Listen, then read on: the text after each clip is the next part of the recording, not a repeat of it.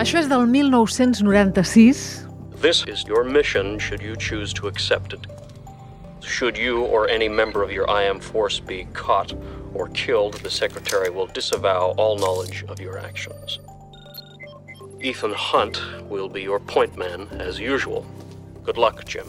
I això altre gairebé 30 anys després. Our lives are the sum of our choices.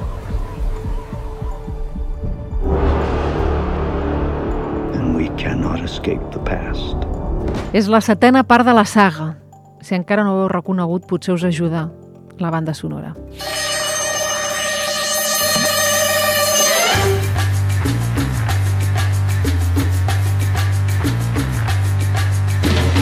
I és que és d'aquelles que obren finestres eternes a la memòria. Missió impossible, en aquest cas la setena, ha arribat de nou als cinemes i amb ell Tom Cruise que intenta, com deia Xavi Serra fa pocs dies a l'Ara, derrotar l'algoritme i salvar la taquilla. Soc la Carla Torró i avui a l'Ara Tom Cruise, la última gran estrella de Hollywood? Xavi Serra, periodista de l'Ara, expert en cinema. Què tal? Molt bon dia. Hola, bon dia, Carla. A veure, la frase és teva, que em vas dir, és la última gran estrella de Hollywood. I la defenso i la mantenc. A veure, això per què? Perquè ho és, perquè vivim en un moment en què el Star System de Hollywood s'està està caient, està mm -hmm. desapareixent. Star System era allò que es va anar a Hollywood des del principi, quan van començar a fer pel·lis, que, que les estrelles tiraven, que la gent anava a veure les pel·lis per veure les estrelles que li agradaven. I això va ser com la, la base, a, a partir del qual es va construir tot el sistema dels estudis. Uh -huh. I durant molts anys va funcionar. Tenies unes estrelles que funcionaven, uns directors que feien bé les coses, els ajuntaves i, i feies pel·lícules que el públic volia veure.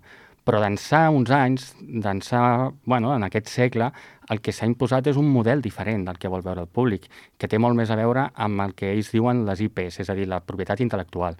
Eh, ells estan ara, el que, el que saben que vol veure el públic té, té més a veure amb la, amb les sagues que adapten, en els personatges en què es basen, amb, la, amb els llibres que porten al cinema, és a dir, amb, la, amb, la, amb, el, amb les històries prèvies, no, no tant amb les estrelles. Si faig comparteixo un com, no sé, un còmic que és famós, el porto al Exacte. cinema. Exacte, jo agafo les històries de la Marvel i tots els personatges sí. que són icònics i d'alguna manera les porto al cinema de manera que fa que la gent s'enganxi.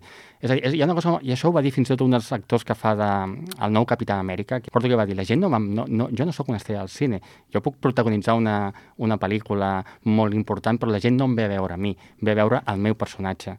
I és així, a dir, ha creat estrelles, però estrelles molt lligades als personatges que interpreten. Però jo, per exemple, si fa una pel·li Brad Pitt, Julia Roberts, vull dir, no és el mateix que Tom Cruise? No, no, perquè... I, de fet, l'any passat el George Clooney i la, i la Julia Roberts van fer una, van fer una pel·li i una comèdia romàntica, ara no recordo el nom, però i no va funcionar gaire bé la taquilla. Fa 20 anys, quan van ajuntar a, a Brad Pitt, a George Clooney, a Julia Roberts, a Matt Damon mm -hmm. a fer Ocean's Eleven, va ser un èxitàs, un èxitàs que va tenir dos continuacions, que va ser una de les pel·lis més vistes de la taquilla.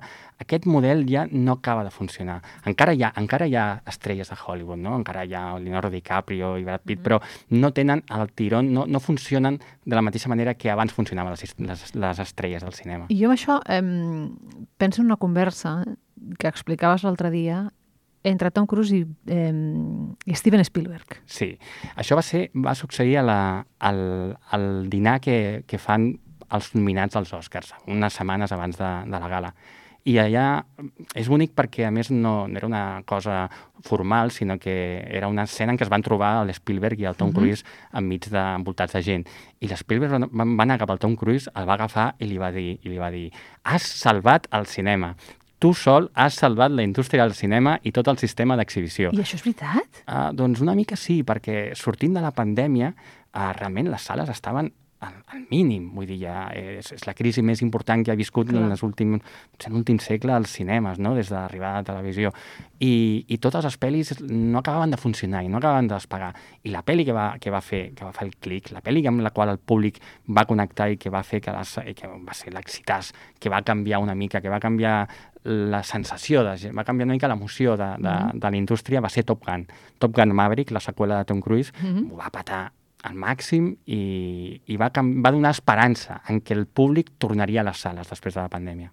Aquest cap de setmana ja han pogut tornar, en aquest cas, per veure la setena, que es diu de pressa, setena. O sigui, no sé si hi ha moltes sagues que tinguin set no? No, amb els mateixos actors, com a mínim el mateix protagonista en aquest cas, no, n'hi ha molt poques. Uh, és un cas molt especial, perquè a més el, eh, Tom Cruise és el productor des del, primer, des del primer dia. O sigui, ell és qui posa els diners. Bueno, qui d'alguna manera va comprar els drets de la Sí. sèrie de televisió. Aquesta és una sèrie dels 60 i 70 que, en què cada episodi reunien un grup d'experts en coses molt mm, peculiars i molt diferents i, els, eh, i dissenyaven una missió per a la qual ells eren imprescindibles i, i, bueno, i que era una missió impossible o gairebé impossible de realitzar i sempre l'acaben realitzant. I també demostra que entén el que és l'èxit, no? Perquè ell ha sabut agafar això, comprar aquests drets... Ell entén molt bé l'espectador de cinema. És una de les estrelles que crec que sap més i millor el que vol veure la gent al cine i sap el que vol veure, el que volen veure d'ell. Ell ha sabut eh, mantenir les coses que més li funcionen, anar-les fer evolucionant de manera que segueixin funcionant. A la saga Missió Impossible, després d'aquesta primera escena, va fitxar a un dels millors directors d'acció de, de la història, el de Hong Kong, uh, un director de Hong Kong que es diu John Woo, mm -hmm. i li va fer la segona, va canviar totalment el, el, el, rol, el to de la, de la saga, però la tercera va, va tornar a canviar i va fitxar a J.J. Abrams, que era un tio que només havia fet sèries com Alias, una sèrie d'espies, i li va donar un to més humà al personatge, no? i va canviar el rumb de la sèrie. Després aquest tio ha acabat dirigint Star Wars i és un dels directors més importants de la indústria. Així que té una, una part també de descobridor de talent. I després va anar provant, va provar un altre director fins que va trobar Christopher McQuarrie a partir de la cinquena, que s'ha convertit en el seu home de confiança i el que ha dirigit les tres últimes entregues de la saga i dirigirà la quarta que arribarà l'any que ve.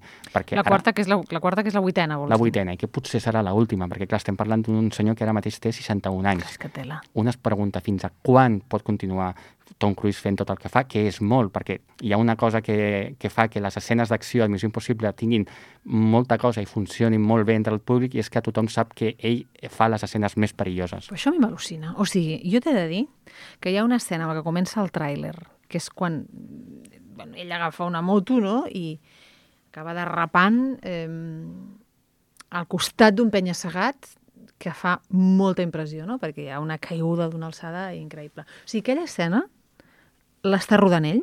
No té un doble? Uh, no, l'està rodant ell, però és cert que ja al moment en què ell fa el salt amb la moto i salta sobre el penya-segat i cau amb, i salta amb paracaigudes, això és ell. Aquesta escena, aquesta escena va estar uh, mesos preparant-la. Va fer més de 500 salts des d'helicòpter amb un paracaigudes lleuger. Va fer més de 10.000 salts amb la moto i, i no, i, quan, i després va fer 6 o 7 tomes. I tu creus que això es nota els efectes? O sigui, que, els efectes, que, que, que, que, es, que es guanya veritat? Sí, sí, perquè avui vivim en un, en un cinema d'acció que abusa tant dels efectes especials que hi ha moments en què sents que gairebé estàs veient una pel·lícula d'animació. Yeah. Quan tu estàs veient una batalla dels, dels, dels Venjadors, hi ha un punt en les pel·lícules de Marvel que saps que no hi ha veritat, no hi ha realitat. Tot és una mena de, de, de dibuixos animats mm -hmm. molt realistes. En les de pel·lis de Tom Cruise també hi ha efectes especials, no ens, no ens enganyem, sí, i també hi ha efectes digitals. Però tens molta més sensació de veritat gràcies al fet de que tu saps que ell també posa la cara i, ella, i ells busquen també combinar amb molta intel·ligència els efectes digitals i els efectes pràctics. Ha tingut alguna lesió, justament. Sí, de fet, l'anterior entrega uh, va fer un salt d'aquests que sembla que no hauria d'arribar, però que sempre arriba, en què es va trencar el turmell i van haver de suspendre la producció de la pel·lícula, uh, no sé si dos o tres mesos. Clar, estem parlant de coses que, si surten malament, costen mm, milions i milions de, de dòlars a la producció. Deies abans, eh, Tom Cruise és la persona que, que millor entén l'espectador. I en aquest sentit hi ha una conversa molt interessant que vas tenir amb una persona que sembla absolutament antagonista, que jo el situaria en, en, en llocs oposats del cinema, que és Albert Serra.